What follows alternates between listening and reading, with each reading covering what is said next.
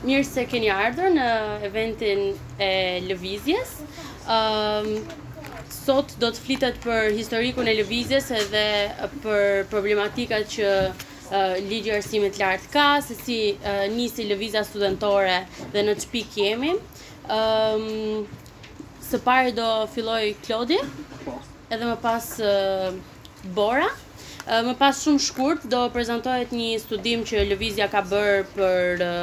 impaktin edhe ça efekti ka pas protesta studentore tek studentët dhe jo vetëm. Nisja Klod edhe pastaj Përshëndetje, unë do të bëj një një hyrje ose një parathënie të shkurtër mbi historikun jo të lëvizjes për universitetin, lëvizjen për universitetin do ta prezantojë edhe kritikën ndaj ligjit do ta prezantojë Bora, ndërsa unë do të bëj një parathënie të gjithë historisë së popullit shqip të lëvizjes së popullit shqiptar për arsimin, domethënë, nëpër histori si ka qenë raporti ynë si si popull me me arsimin të edukuarin edhe Kaq. Domethënë akti i parë si mund mund të themi i arsimit publik në shqip ka qenë prezant botimi edhe përgatitja e abetares nga Naum Veqilharxhi 1845-ën, kohë ku në gjithë vendet e tjera të Europës kishin shpërthyer kryengritje edhe po vinte shteti modern, Shqipëri për herë të parë ne mësonim të shkruanim, kishim një një një abetare. Naum Veqilharxhi me kontributin e tij përket rilindjes së rilindjes kombëtare të shqiptarëve, krahas Naim Frashërit, Sami Frashërit edhe gjithë gjithë rilindas rilindasve rilindasve të rilindasve të tjerë. Pas Në parathënë është shumë interesante se në parathënien e Abetares, e cila nga Naum Veqilharxhi quhej Evetare, thuhej se kjo abetare e shkurtër shqip i, i kushtohet edukimit dhe arsimimit të fëmijëve të shtresave më të varfra të, të popullit. Edhe kur e mendoj atëherë, ose kur e mendoj sot, pse e ka shkrujt pikërisht gjithë shtres, fëmijëve të shtresave të varfra të popullit është se shtresat e larta të një shoqërie kanë pas gjithmonë kanë qenë gjithmonë të të edukuara, kanë pas mundësi të të edukohen edhe të kryejnë universitetet dhe shkollat më të mira prestigjioze, kur pjesa tjetër mbi nëntëdhjetë për qind e popullsisë realisht nuk dinin as të shkruanin dhe as të dhe as të të të të lexonin. Brezi i dytë gjatë kësaj kohe prej publikimit të abetares së parë ka pas edhe abetare të tjera të publikume nga dy rrethet kryesore të arsimit, arsimit edhe intelektit të popullit shqiptar që kanë qenë Shoqëria e Stambollit dhe Shoqëria Rumani e e Bukureshtit ku ishin grumbulluar gjithë rilindasit edhe njerëzit e penës në në në Shqipëri. Brezi i dytë i i i njerëzve që u përpoqën Sepse historia e popullit shqiptar për për arsim ka qenë një histori dramatike dhe një lufte të vazhdueshme për di, për dije, brezi i dytë ishte brezi i mësuesve patriotikë, që mund të themi siç ishte Petro Nini Luarasi, mësues të cilët sot mbajnë emrin e tyre shkolla të shumta si në kryeqytet, po edhe në pjesët e tjera, qytetet e tjera të Republikës, Papa Kristo Negovani, e, dhe, e, Babë Dudë Karbunara për shembull, janë tre persona të cilët përpjekjen e tyre për ta arsimu pjesën më të madhe të popullit shqiptar, nuk po i përmend rastësisht, kanë qenë tragjike. Që të tre, domethënë janë kanë pas një fund tragjik sepse mblidhnin shtëpitë e tyre të vogla i kishin kthy në shkolla publike për fëmijët e varfër të të të popullit shqiptar. Brezi i tretë i i i arsimtarëve kanë qenë në në Shqipëri ka qenë që nga themelimi i mësonjtores një mijë e shtatëqind e tetëdhjetë e shtatë një mijë e tetëqind e tetëdhjetë e shtatën, po edhe shkolla e vashave e cila është është hapur shumë më vonë nga motrat Parashqevi dhe Sevasti Sevasti Qiriazi. Këto mund të themi në në këtë fazë arsimi publik fillon edhe merr një një një një vrull të ri edhe bëhet i mundur kryesisht në këto tre në kryesisht në qytetet e mëdha të në qytetet e mëdha të të, të Shqipërisë. Edhe deri në pas luftës së dytë botërore, madje deri në pas gjatë luftës së dytë botërore dhe më vonë, një pjesa më e madhe e popullit shqiptar ka qenë ka qenë e paarsimuar, edhe se e harrova edhe një pjesë, një pjesë tjetër të vogël është se gjatë krijimit të këtyre shkollave shqiptare, për shembull, gjatë viteve 30 në Shkodër edhe në në në Elbasan, aty kanë dalë edhe një pjesë e madhe e poetëve edhe luftëtarëve të cilët më vonë na sollën në çlirimin e Shqipërisë. Mund të përmendim Migjenin, Skënder Luarasin, Qemal Stafën, edhe edhe shumë djem edhe vajza të tjerë, të cilët kanë dhënë realisht kontribut në brezin e mëvonshëm. E drejt pas luftës së dytë botërore, kur nisi një proces i madh për edukimin e popullsisë shqipe, mund të themi se kjo ka qenë jo pa jo pa jo pa konflikt edhe jo pa vështirësi të mëdha, sidomos sa i përket edukimit të vajzave, sepse deri vonë, edhe kur hapeshin shkollat publike, përveç mësonjëtores së së Varshave që ishte në Korçë nga motrat motrat Qiriazi, në vendet e tjera vajzat ishin të mohuara totalisht nga e drejta për të ndjek arsim publik, jo vetëm jo vetëm të mesëm, po edhe edhe edhe edhe elementar. Edhe Kjo është një histori e shkurtër në fakt, shumë e shkurtër e përpjekjes që kena pas ne si popull. Sepse ti ja shumë e rëndësishme dhe gjithmonë ne kan dash me na lënë në errësirë dhe në injorancë. Kur t'len në errësirë edhe në injorancë je më i lehtë për tu manipulu, për tu kontrollu edhe për tu nënshtru kur e kërkon, kur e kërkon nevoja. Kur je i paarsimuar nuk e ke, nuk ke kërkesa t'larta për, për, për jetën. Edhe kur nuk je i paarsimuar, paarsimimi edhe rënia e arsimit, në gjitha kohët, qoftë edhe në kohët e tanishme, përkthehet në një shoqëri që kalbëzohet dhe që rrezikohet seriozisht nga krimi, nga padrejtësitë dhe nga varfëria e madhe ekonomike. Kjo është një histori e shkurtër e përpjekjes së popullit shqiptar për arsim, e cila ka qenë një përpjekje shumë e mundimshme dhe ka qenë një sakrificë shumë e madhe nga shumë breza dhe që si Lëvizje për Universitetin shpresojmë që ta çojmë përpara, sepse arsimi nuk është një mall, nuk është një privilegj i cili është i tregtueshëm edhe sipas thellësisë së xhepave, po arsimi është një e drejtë themelore, bazike, e patjetërsueshme dhe e panegociueshme e njeriut. Është pikërisht arsimi i cili e bën diferencën e njeriut nga speciet e tjera në. në natyrë. Kaq kisha.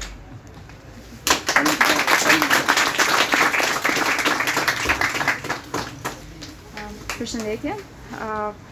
Siç e përmende përpara, do them shumë shkurtimisht aktivitetin, se historiku ndoshta është edhe madhe, aktivitetin e Lëvizjes për Universitetin, gjatë këtyre më shumë se ta ngre zërin, Gjatë më shumë se 5 viteve aktivitet në universitetet publike në kryesisht në Tiranë, Lëvizja për Universitetin është themeluar në fillim vitit le të themi në muajt e parë të vitit 2014 ta ngresh zërin si rezultat i një procesi reformimi në arsimin e lartë që qeveria do të do të ndërmerrte duke ngritur një komision i cili nuk përfaqësonte jo vetëm interesat e studentëve dhe pedagogëve, po këta persona që ishin në komisionin që do të hartonte ligjin e arsimit të lartë nuk qenë as të zgjedhur nga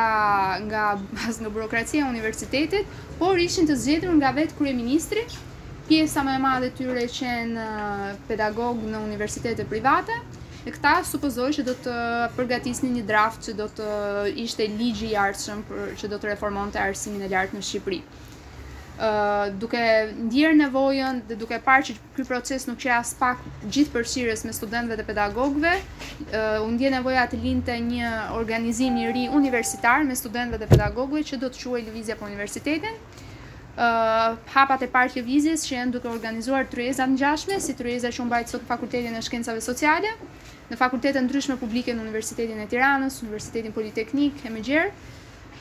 Qëllimi qe që të informonin studentët, pasi problemi i parë të cilin e hasnim qe që shumica e studentëve, ndonjëherë dhe pedagogëve nuk ishin në dijeni të këtij procesi reformimi, Tryezat e para diskutuese ishin jo vetëm për të shpjeguar se çfarë po ndodhte me ligjin e arsimit të lartë, por edhe për të për të nisur procesin e organizimit mes njëri-tjetrit, duke vënë kontakte, duke ngritur problematika të ndryshme që studentët kishin në përditshmërinë e tyre në universitete dhe të cilat nuk reflektoheshin aspak në dokumentat që do të ishin më pas dokumenti bazë për ligjin e arsimit të lartë. Dy qershor i dy mijë e katërmbëdhjetë-s ka qenë protesta e parë e Lëvizjes për Universitetin. Ka qenë një protestë relativisht modeste me rreth dyqind treqind vetë, por në fakt duke qenë se qe mjaft e papritur dhe e zuri në befasi qeverinë, kryeministri po atë ditë ka dalë në një deklaratë ku u tërhoq nga drafti i parë i Ligjit të Arsimit të Lartë, duke premtuar që në draftet në vazhdim do të përfshiheshin sugjerimet e pedagogëve dhe studentëve, gjë e cila nuk u bë. Edhe muajt në vazhdim, pavarësisht sugjerimeve që këshillat e fakulteteve ju dërguan i dërguan i dërguan komisionit që do të po hartonte ligjin e arsimit të lartë, këto sugjerime sërish nuk u morën parasysh. As vërejtje dhe pretendimet ose nevojat që studentët kishin nuk u morën në konsideratë, pasi në asnjë moment nuk janë zhvilluar takime të hapura. Të vetmet takime formale janë bërë me Janë bërë me dyer të mbyllura, ku të vetmit të rinj të pranishëm ishin nga forumet rinore të Partisë Socialiste dhe asokohe edhe Lëvizjes Socialiste për Integrim. Lëvizja për universitetin, pas protestës së saj të parë, vazhdoi sërish të kishte aktivitet në fakultete të ndryshme, duke nisur fazën e strukturimit në fakultete të ndryshme publike. Asokohe nisën dhe disa protesta për shkak të një vendimi të padrejtë që qeveria mori për kreditet e mbartura Në nivelin Master, i njëjti vendim i një vendim i ngjashëm me atë çfarë mori para një viti edhe për Baçelorin. Ka pasur protesta të ndryshme edhe në vjeshtën e dy mijë e katërmbëdhjetës, zaptime në disa prej fakulteteve për çështjen e mesatares në hyrje në Master dhe njëkohësisht kanë nisur dhe protestat në Fakultetin e Gjeologjisë dhe Minierave për shkak se qeveria vendosi që godinën e tyre do ta jepte për të ndërtuar Pallatin e e Drejtësisë. Vitet, muajt në vazhdim po sërish nisën tryezat për të diskutuar mbi problematikat në universitet dhe ligjin e arsimit të lartë dhe pranvera dy mijë e pesëmbëdhjetë-s është një ndër periudhat më më aktive të Lëvizjes për Universitetin për shkak se kishte protesta të përjavshme ose të përdyjavshme Për muaj të tërë, protesta të cilat nga java në javë vinin duke u masivizuar dhe duke detyruar qeverinë të deklarojë më shumë se disa herë që tarifat nuk do të rriten paçka se ligji i arsimit të lartë do të do të kalonte. Në fakt nuk është e vërtetë sepse vetë në ligjin e arsimit të lartë citohej që ë Një ndër mënyrat se si universiteti do duhet të sjellë të duhet të rrisë të ardhurat e veta, duke qenë se shtet qeveria do të mbështeste edhe universitetet private me anë të granteve të mësimdhënies dhe kërkimit shkencor, do të qe dhe me anë të rritjes së tarifave. Ë Këto protesta nuk mundën të ndalnin miratimin e ligjit të arsimit të lartë, i cili u miratua në korrik të 2015-s, kur edhe atë ditë pati një protestë në mes të korrikut në parlament, në Kuvendin e Shqipërisë. Por aso kohe aq vetë sa ishim pranishëm në në në ditën e miratimit, i premtuam njëri tjetrit se në fakt edhe jo vetëm njëri tjetrit, por edhe qeverisë që në fakt ai do të qe thjesht fillimi i një rezistence i cila me kalimin e kohës do të tejkalonte jo vetëm numrin e personave që ishin atë në atë shesh, por do të arrinte deri në bojkotin e jetës universitare, premtim i cili u mbajt duke qenë se Jeta universitare dhjetorin dhe janarin e shkuar ishte ishte në bojkot. Ka pasur gjatë gjithë periudhës 2015, 2016, 2017 ka pasur protesta dhe aksione të ndryshme, peticione, të cilat pavarësisht se nuk kanë mundur të reduktojnë tarifat, kanë mundur të mos lejojnë, kanë mundur të mos lejojnë rritjen e tyre siç ishte parashikuar në ligjin e arsimit të lartë, pavarësisht pretendimeve të qeverisë se ata nuk i kanë rritur tarifat me miratimin e ligjit, në fakt Vetë qeveria Rama në në vitin dy mijë e për vitin akademik dy mijë e katërmbëdhjetë dy mijë e pesëmbëdhjetë i ka rritur tarifat me tridhjetë për qind. Pra, arsyeja pse kjo rritje nuk u vazhdua në vitet në vazhdim qe për shkak të rezistencës së së studentëve përgjatë këtyre viteve.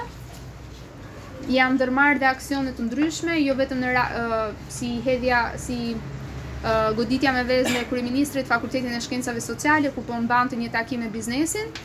Për shkak të kësaj ngjarjeje, tetë studentë aktivistë u proceduan penalisht dhe u dënuan në gjykatë. Po ashtu ka pasur dhe aksione të tjera të cilat kanë ardhur si rrjedhim i kaosit që ndodhi me maturën, me ndryshimin e skemës maturës në vitin 2016, skemë problematike e cila është ende në fuqi, duke ia bërë shumë të vështirë maturantëve procesin e hyrjes në universitete. Kjo skemë, sidomos në fazat e para të tij, kishte si prioritet, kishte si qëllim fakt që të të jepte prioritet universiteteve private që studentët në kushte paniku të detyroheshin të vinin disa disa zgjedhje, disa prej zgjedhjeve të ishin në këto universitete. Po ashtu në nëntor, në ditën ndërkombëtare të studentëve, për shkak të një takimi për ditën ndërkombëtare të studentëve, ku të pranishëm në këtë takim qenë sërish vetëm antarë të forumit të Partisë Socialiste, u mbajt një tjetër aksion duke goditur me keqap ministrën e arsimit. Aksione të tilla nuk kanë pasur thjesht si qëllim njollosjen e këtyre si funksionarë, por për të tërhequr ndër tjera dhe vëmëndjen e mbarë opinionit publik mbi problematikat që studentët hasin në përditshmërinë e tyre dhe jo vetëm për tarifat e larta, po edhe për problemet që hasin për kostot e jetesës dhe vështirësitë e tjera që kanë prej faktit se janë janë studentë. 2000 në vitin në nëntor të 2018-s ka qenë në fakt Protesta e fundit e thirrur zyrtarisht nga Lëvizja për Universitetin, e cila ka pasur kërkesa të ngjashme me ato që janë artikuluar fuqishëm edhe në dhjetor, ka qenë një protestë goxha e madhe dhe ka qenë momenti në të cilin ne kemi pasur më shumë njerëz ose ka pasur më shumë aktivizëm, më shumë studentë dhe ka qenë periudha ku ne nisëm të strukturoheshim gjithnjë e më shumë në universitete për të për të kundërshtuar jo vetëm ligjin e arsimit të lartë, por edhe për të ngritur kërkesa të tjera për përmirësimin e jetës në universitete. Më pas protestat e dhjetorit, besoj se shumëkush shumëkush këtu ka qenë prezent, ka nisur në da, në fillim të dhjetorit, ditët e para të dhjetorit dhe kanë mbaruar me bojkotin e në mbarimin e bojkoteve në fakultetet në Universitetin e Tiranës. Shkurtimisht, arsyeja pse ne kundërshtojmë ligjin e arsimit të lartë, në fakt është arsye pse ky ligj nuk ka ardhur vetëm nga Partia Socialiste, ka kur ka qenë në qeveri, në qeveria Berisha para 2013-s, kanë kanë propozuar një projektligj të ngjashëm, i cili asokohe u kundërshtua nga qeveria e sotme kur qenë në opozitë, ai ligj nuk u kalua dhe u kalua më pas me votat e Partisë Socialiste dhe Lëvizjes Socialiste për Integrim, Partia Demokratike nuk e çoi në Gjykatë Kushtetuese për ta kundërshtuar siç sot pretendon se kundërshton dhe është pranë studentëve kundër ligjit të arsimit të lartë, asnjë mekanizëm ligjor dhe kushtetues që kanë pas kushtetues që kanë pasur në dorë për ta përdorur nuk e kanë bërë. Arsyeja pse ne kundërshtojmë këtë ligj, që para në fakt një pjesë e jona kanë qenë aktiv edhe gjatë periudhës që ligji diskutohej në qeverinë propozuar nga qeveria e shkuar, është për shkak të fakt, faktit se ka të njëjtën logjikë për të shpërndarë fonde publike të cilat shkojnë për universitete publike drejt universiteteve private. për faktin se këtë, ky ligj nuk merr fare në konsideratë problematikat që ne ende kemi sot, jo vetëm për shkak të ligjit të arsimit të lartë, po ky ligj i thellon edhe më shumë ato. Ë, dy shtyllat kryesore të cilat ne kundërshtojmë, pavarësisht se kundërshtojmë gjithë ligjin në tërësi që nga momenti i, i hartimit të tij e deri më sot, është për shkak të financimit dhe të administrimit të universiteteve. Financimi i universiteteve siç thuhet dhe në ligj, do të bëhet do të ketë një autonomi financiare që në fakt mund të përkthehet në një farë autonomie për të vrarë dhe veten, sepse i lihet dorë e lirë universiteteve për të gjetur paratë për t'u vetëmbajtur ë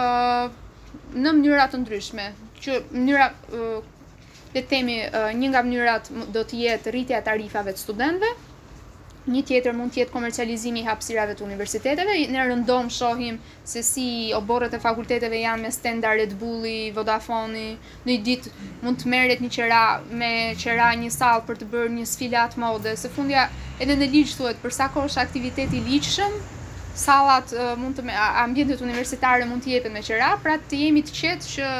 nuk do të përdoren sallat për laboratore droge ose për prostitucion, për sa kohë edhe vetë ligj thuhet për sa kohë aktiviteti është i ligjshëm mund të jepen me mund të jepen me qera. Një tjetër mënyrë, një tjetër pikë shqetësuese ka është për shkak të administrimit të universiteteve. Kjo lidhet me faktin se vota e studentëve nga 20% që edhe më parë ka qenë mjaft problematike dhe nuk dhe studentët nuk mund të përfaqësoheshin në në strukturat drejtuese ose në proceset vendimmarrëse brenda universitetit, vota e studentëve do të çohet në 10% dhe argumenti në fakt i qeverisë ose i hartuesve të ligjit të arsimit të lartë kur n'draftin e parë e hoqën fare drejtën e votës, argumenti qe se studentët mund të jenë janë të manipulu lehtësisht të manipulueshëm dhe nuk kanë nuk kanë pjekurinë e duhur për të votuar personat e duhur në drejtimin e universiteteve. Kjo sjell kjo sjell që ne të mos kemi mundësi për të votuar personat të cilët do të do të drejtojnë universitetin dhe si Dhe se si e prek konkretisht një student kjo në përditshmëri mund të jetë një shembull mjaft i thjeshtë. Një pedagog i cili shet libra në universitet, edhe sikur pesëdhjetë studentë ose njëqind studentë të bëhen bashkë dhe t'i bëjnë ankesë dekanit që ky pedagog po cënon të drejtat e studentëve, për dekanin ka më shumë rëndësi që të ketë këtë një pedagog pranë vetes pasi ai, vota e një pedagogu është shumë herë më e rëndësishme se vota e njëqind studentëve bashkë, Dhe që në këtë moment bëhet është fare e qartë që pse e kemi të nevojshme rritjen e përqindjes votës në në proceset zgjedhore në universitete. Një tjetër pikë problematike e anës së administrimit të universiteteve ka të bëjë me bordet e administrimit. Do të jenë disa struktura burokratike të ngritura nga Ministria e Arsimit, pavarësisht se këta të thonë që je autonom kur vjen puna për të administruar dhe për procesin e vendimmarrjes së universitetit, në fakt janë disa borde të jashtme, të cilat nuk vijnë si rezultat i zgjedhjeve dhe votave të studentëve dhe pedagogëve, por janë burokratë të vendosur nga Ministria e Arsimit. Ë uh, këto janë uh, problemet kyçe le të themi për sa i përket ligjit të arsimit të lartë, por mund të rendisim dhe shumë të tjera si fakti që qeveria nuk mendon që do duhet të rrisë financimin për universitete, jo vetëm për t'ulur tarifat e studentëve dhe për të qenë një barrë më pak për familjet e tyre, por për të rritur investimet për të rritur rrjedhimisht edhe cilësinë në universitete, ose një ndër propozimet që ka që studentët të munden të përballojnë tarifat që do të ngrihen, që supozohet të ngrihen në vazhdimësi është kredia studentore, dhe interesin e cilave qeveria del garant që do t'ia mbulojë për studentët, ndërkohë fare këto janë para që do t'i shkojnë bankave, kur fare mirë do mund të ishin Do të mund të ishin para që do të investoheshin në universitetet dhe rrjedhimisht studentët kishin tarifa më të ulëta. Ajo çfarë ne ajo çfarë ne propozojmë si Lëvizja për universitetin edhe në manifestin tonë që e kemi shkruar uh, disa vjet më parë është anulimi i ligjit të arsimit të lartë, ulje progresive e tarifave deri në arsim publik falas si një e drejtë e gjithë secilit për të për t'u edukuar dhe për t'u arsimuar. Rritje e investimeve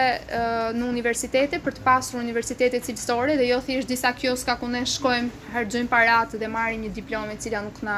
nuk na hyn në punë për asgjë më pas. Demokratizimi i jetës universitare, studentët dhe pedagogët janë bashkëthemeltarë të universitetit, nuk janë thjesht klientët që vijnë blejnë diplomën pas dhe pas disa viteve shpenzime në universitet. Po ashtu pedagogët janë pjesë bashkëthemeltare e universiteteve dhe ata do të kthehen si agjentët e shitjeve të disa universiteteve private që i shohim në emisione që mburren që universiteti i tyre është më i miri më i miri në dynja. Kështu që hapi i parë do të duhej të ishte rrëzimi i ligjit të arsimit të lartë, dhe procesi i reformimit të vërtetë në universitete, i cili nuk do të vinte nga komisione dhe nga teknicienë të vendosur nga qeveria, po duhet të ishte një proces shumë i thellë dhe ndoshta dhe i gjatë, i mbledhjes së propozimeve nga gjithë studentët dhe nga gjithë pedagogët e universiteteve publike, ku asnjë Qindarkë nuk do duhej të shkonte nga buxheti i shtetit, që janë fundja dhe taksa të prindërve tanë ose të kujtdo që punon, për diplomoret që janë fundja thjesht biznese private të të disa personave. Po mbyll me kaq, ndoshta Jo ndoshta, Joana do ketë pjesën e paktit. Po, shumë shumë, oke. Joana, pjesën e paktit të rëmë të Do doja ta nisja në fakt që prej protestave madhështore të dhjetorit, ku si të mos mjaftonte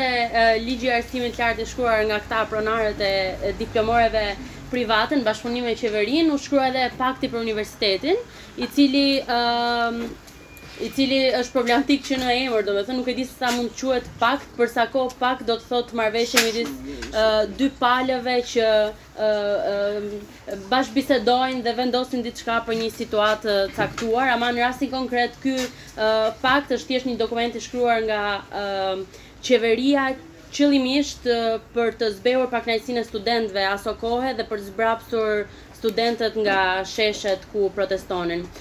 Ky pakt që prej momentit kur u prezantua u kundërshtua fuqishëm nga Lëvizja për Universitetin dhe i bëri asaj kritikën duke shpjeguar se Pakti për Universitetin nuk ishte gjë tjetër veçse zgjatimi i ligjit të arsimit të lartë, problematik edhe që do të thoshte se asgjë rrënjësisht në jetën tonë universitare nuk do ndryshonte. Ë, sipas studimit që është bërë i Lëvizjes për Universitetin, thuhet që pesëdhjetë e tetë pikë dy për qind e studentëve ë pranojnë dhe shprehen se asnjë nga kërkesat që studentët parashtruan në protestat e mëdha studentore nuk është plotësuar dhe ë nga dyzet pikë pesë për qind Studentë të tjerë mendojnë se vetëm dy kërkesa janë plotësuar, siç është ajo e përgjysmimit të tarifave dhe kartës së studentit, por fare mirë e dimë që kërkesa jonë e qartë dhe e madhe prej viteve tanimë ka qenë përgjysmimi i tarifave për çdo nivel studimi, ndërkohë që pakti për universitetin siguronte vetëm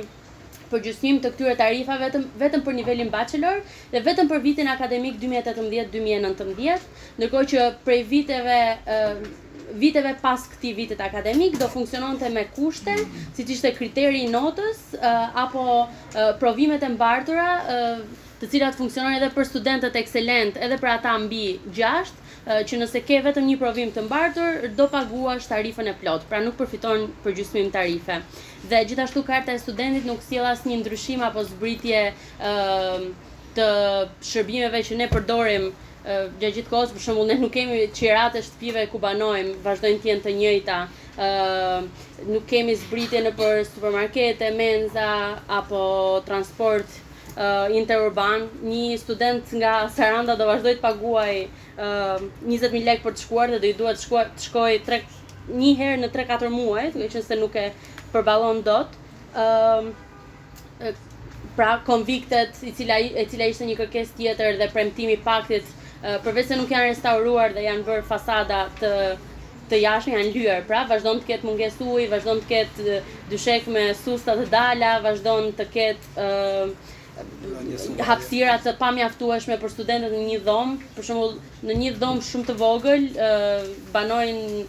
tre deri në katër studentë që është e papranueshme. Ëm dhe doja të theksoja që mbase gjatë protestave të mëdha studentore nuk arritëm të rrëzonim ligjin e arsimit të lartë, i cili është burimi i të gjitha problemeve, ama ajo që fituam të gjithë studentët ishte ndërgjegjësimi mbi këtë reformë që shkatërron arsimin dhe atë të lartë publik, ku sipas duke u referuar studimeve që Lëvizja ka bërë, gjashtëdhjetë e tetë pikë pesë për qind e studentëve tanimë e dinë që ky ligj është burimi i gjithë të këqijave. Gjithashtu fituam besimin se po të jemi të bashkuar do mund të arrijmë fitore të mëdha dhe të bindur si aktiviste e lëvizjes dhe si studente gjithashtu mund të them se të mirorganizuar, të artikuluar dhe vullnetplotë do mundemi që një ditë të rrëzojmë ligjin e arsimit të lartë dhe të zbrapsim të gjithë politikat dashakeqe që qeveria vendos dhe tenton të bëjë nëpër universitetet publike.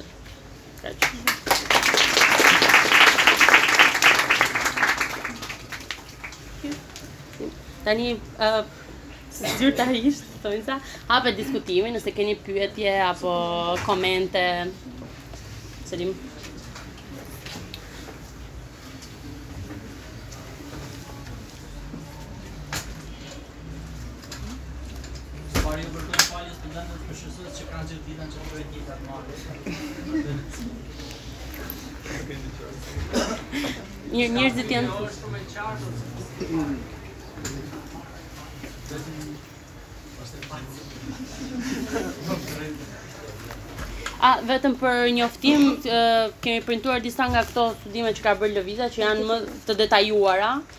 edhe që mund t'i hidhni një sy më vonë, kush është i interesuar. Mos ka pyetje? Okej. Kemi të kam pyetjes. Falim. Mirë, nëse s'ka